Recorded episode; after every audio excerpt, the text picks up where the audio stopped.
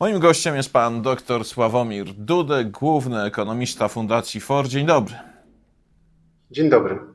Panie doktorze, budżet państwa to fikcja. Takie hasło y, pan również lansuje od jakiegoś czasu. Dlaczego fikcja?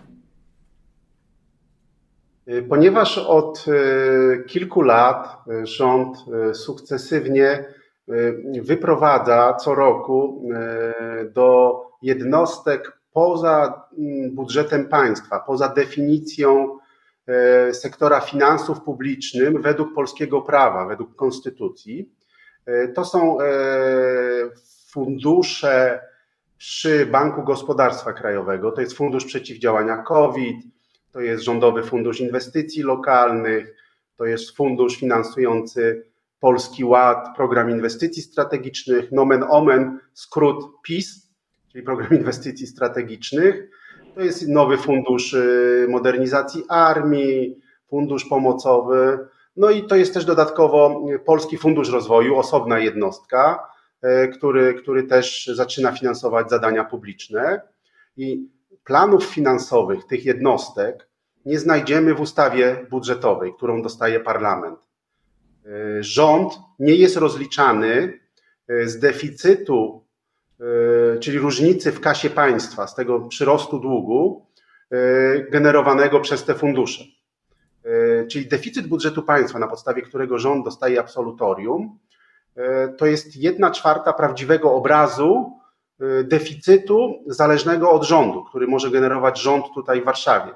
Bo już oczywiście ja się zgadzam, że na przykład samorządy trzeba odjąć od tego, bo rząd nie ma Całe szczęście jeszcze nie ma wpływu na samorządy, choć daje dotacje, może tam tymi czekami z tektury realizować.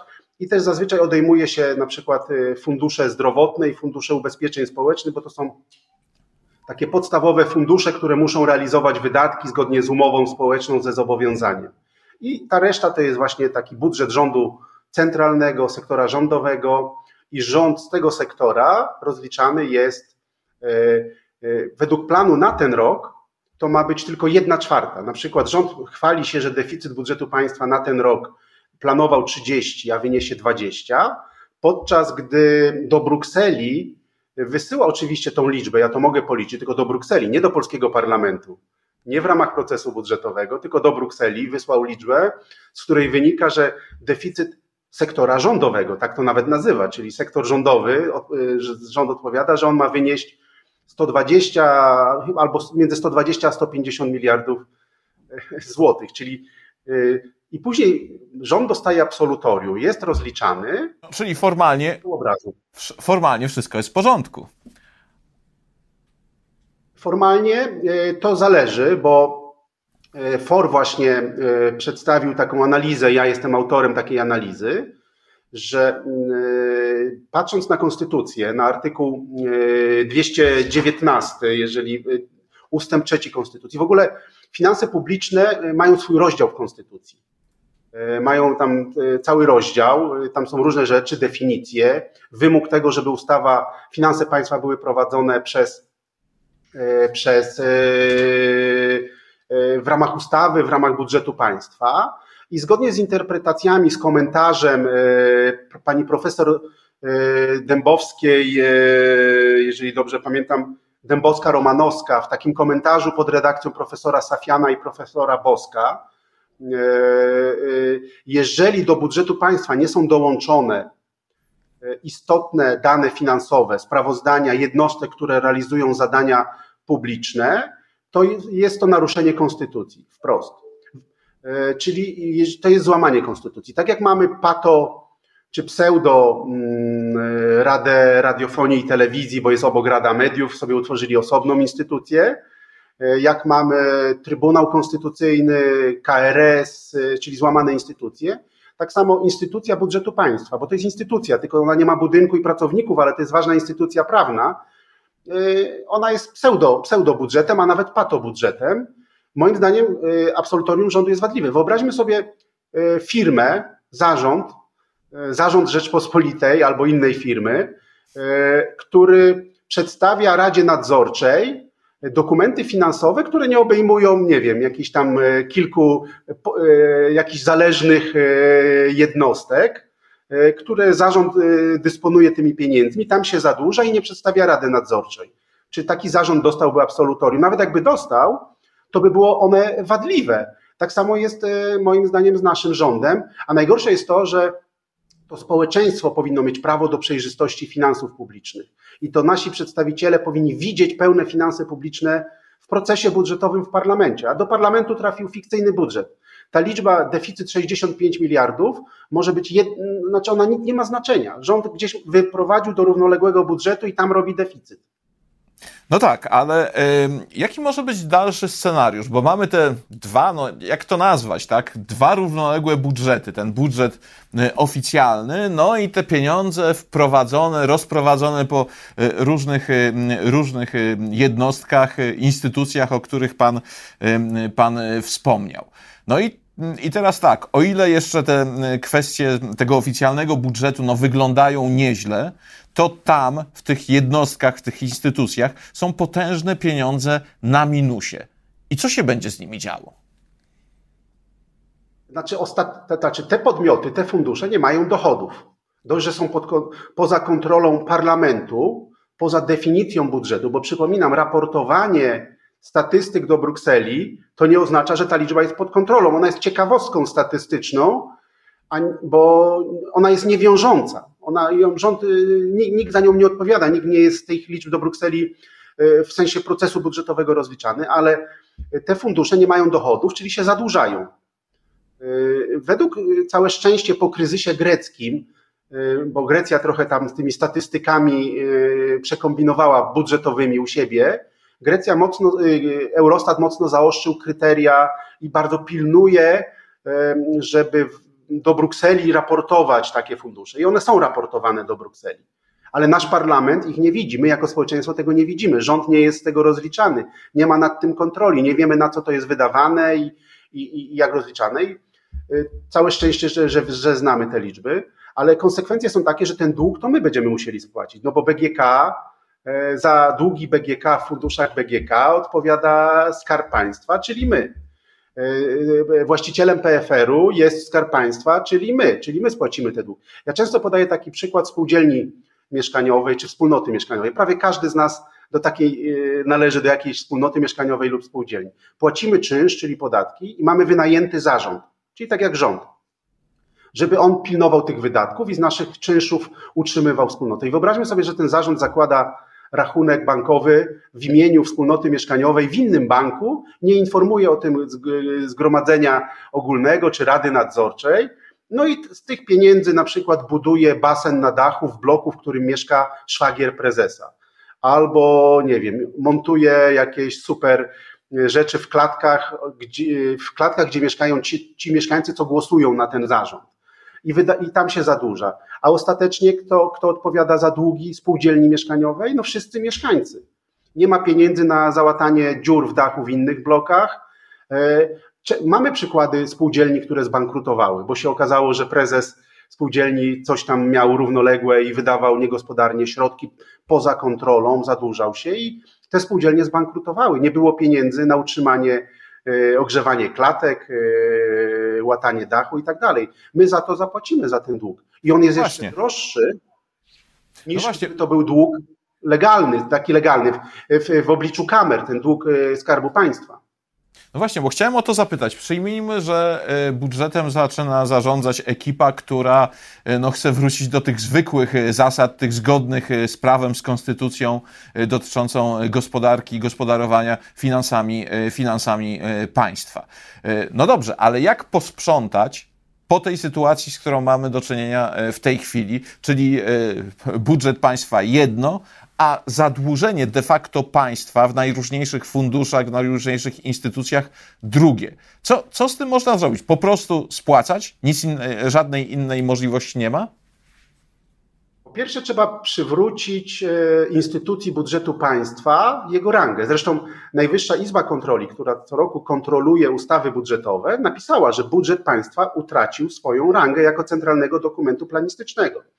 Po pierwsze, musi być przejrzyście, niezależnie od poglądów ekonomicznych, czy ktoś jest z lewej, z prawej, ze środka, czy ktoś chce więcej inwestycji, a ktoś więcej socjalnych wydatków, niezależnie od tego, finanse publiczne muszą być przejrzyste i mówiące prawdę o finansach publicznych. I to trzeba jak najszybciej e, zrobić i przywrócić tą, tą, tą, tą rangę. I są nawet projekty gotowe, bo ja też w Towarzystwie Ekonomistów Polskich my takie propozycje zgłaszaliśmy i chętnie nad tym e, popracujemy. E, sam poziom długu, nawet ten prawdziwy, raportowany z tą częścią poza kontrolą, on jest teraz między 50 a 60%. To jest poziom w porównaniu do innych krajów na umiarkowany poziom. Są kraje, które mają niższy poziom, są, które mają wyższy, no ale nie porównujmy się do Grecji czy Włoch. Kraje, Grecja zbankrutowała fiskalnie, nie możemy się porównywać do, do bankruta. Niemcy, mimo że mają 70% długu, to płacą, koszty obsługi są niskie. U nas największym niebezpieczeństwem są koszty obsługi długu, które mają przyrosnąć z 26 planowanych miliardów na ten rok do 66 miliardów w przyszłym roku. I to bez części odsetek w PFR-ze i w BGK-u. I to jest niebezpieczeństwo na dzisiaj. E, także na pewno trzeba przywrócić przejrzystość, porządek, znaczenie budżetu państwa. Ja powiem, że słowo, tu jest jeszcze manipulacja, że deficyt budżetu państwa, to słowo dla przeciętnego Polaka, on myśli, że to jest deficyt całych finansów państwa. E, a to jest fragment.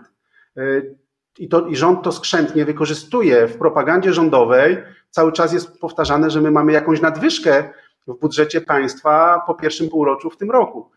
Yy, rządzący wiedzą, że to jest fragment, yy, ale społeczeństwo przeciętne nie wie. Tą przejrzystość komunikacyjną trzeba jak najszybciej przywrócić i wrócić do standardów, jakie są w innych krajach. Takie fundusze, taki bank gospodarstwa krajowego istnieje w Niemczech, ale tam wszystko jest poza kontrolą. Skala, powiedzmy, finansowania jakichś operacji, być może koniecznych, y, inwestowania w jakieś spółki akcyjne, dokapitalizowania, może istnieć, ale z Funduszu Przeciwdziałania COVID my wszystko dzisiaj finansujemy. Od trzynastki, czternastki, regionalne centrum patriotyzmu, tekturowe czeki dla samorządów. Najgorszą właśnie rzeczą jest to, że w zasadzie premier jednoosobowo zarządza miliardami złotych w tym funduszu poza procesem budżetowym, poza kontrolą. Może premier jakby chciał i powiedział, że żeby wygrać wybory potrzebuje, potrzebuje 50 miliardów złotych, żeby rozdać czeki tekturowe, nie wiem, żeby wybudować basen olimpijski w każdej gminie, która popiera obecny rząd. On to może zrobić jednym telefonem, bez, bez Komisji Finansów Publicznych, bez nowelizacji budżetu, bez kontroli y, społecznej, demokratycznej. Y, nawet fundusz który jest państwowym funduszem, państwowy fundusz celowy, w ten fundusz sprawiedliwości ministra Ziobry, e, on ma limit swój wydatkowy określany w parlamencie przez e, parlament, czyli w w kontroli, pod kontrolą demokratyczną. Oczywiście ten sam fundusz, wydatki tego limitu wiemy, że są w doniesieniach medialnych różne wątpliwości, czy na dobre cele, ale gdyby ten limit minister Ziobro chciał zwiększyć o 100 zł, musiałby iść do Komisji Finansów Publicznych, tam przedstawić, uzasadnić, E, musiałby odpowiedzieć na pytania opozycji. Ja mógłbym tam pójść e, i zadawać pytania jako przedstawiciel e, społeczeństwa obywatelskiego. Tam są kamery. Wynik głosowania pewnie byłby zgodny z większością, ale wszyscy musielibyśmy się dowiedzieć, minister Ziobro musiałby wyjaśnić, dlaczego chce zwiększyć budżet o 100 zł. A premier może bez żadnej Sejmu, komisji, poza kontrolą społeczną, w tym, ja to nazywam równoległym budżetem E, premiera Morawieckiego albo nawet rajem wydatkowym e, Morawieckiego. Tak jak mafie VAT-owskie wyprowadzają e, operacje finansowe na wyspy, na Seszele, do rajów podatkowych, żeby tego nie widział lokalny, lokalne władze, lokalne społeczeństwo, tak rząd wyprowadził do raju wydatkowego na Seszele wydatkowe gro finansów publicznych poza naszą kontrolę. No właśnie, a czy jesteśmy w stanie oszacować, e, ile jest tam pieniędzy w tych e, rajach wydatkowych, rajach budżetowych, czy tym równoległym budżecie? W miliardach złotych. Właśnie dzięki temu, że e, Eurostat gromadzi te dane, jesteśmy w stanie to oszacować. Łączne zadłużenie tych funduszy w rajach wydatkowych wzrosło dziewięciokrotnie od 2015 roku one było zawsze tam około, bo był Krajowy Fundusz Drogowy, ale to było zadłużenie 50 miliardów złotych. E, ale to wszystko trzeba naprawić, niezależnie od, od opcji i koalicji, ale ono teraz ma wynieść 422 miliardy złotych. To jest 13% PKB, to jest y, co czwarta złotówka długu jest w równoległym, zadłużenia jest w równoległym raju budżecie państwa czy w raju wydatkowym premiera Morawieckiego. To jest 6 tysięcy wyborów kopertowych, yy, czyli Sasinów można tak przeliczyć. To jest 300 stadionów narodowych, yy, to jest 2000 budżetów gminy końskie. To jest skala zadłużenia w równoległym raju. I to rząd się tłumaczy, że on to raportuje do Eurostatu i wysyła. Wysyłanie informacji do Eurostatu to nie oznacza, że to jest pod kontrolą społeczną, że tego nie ma w budżecie. Co z tego, że wysyłają? Niech wysyłają do Brukseli, ale niech to będzie w budżecie, niech to będzie pod definicją budżetu. Niech rząd się rozliczy z deficytu prawdziwego, a nie z jednej czwartej. No tak, to potężne pieniądze, no i dosyć smutna konstatacja, e, również na przyszłość. Bardzo dziękuję za rozmowę. Moim gościem był pan dr Sławomir Dudek, główny ekonomista Fundacji FOR. Jeszcze raz dziękuję za rozmowę. Dziękuję bardzo.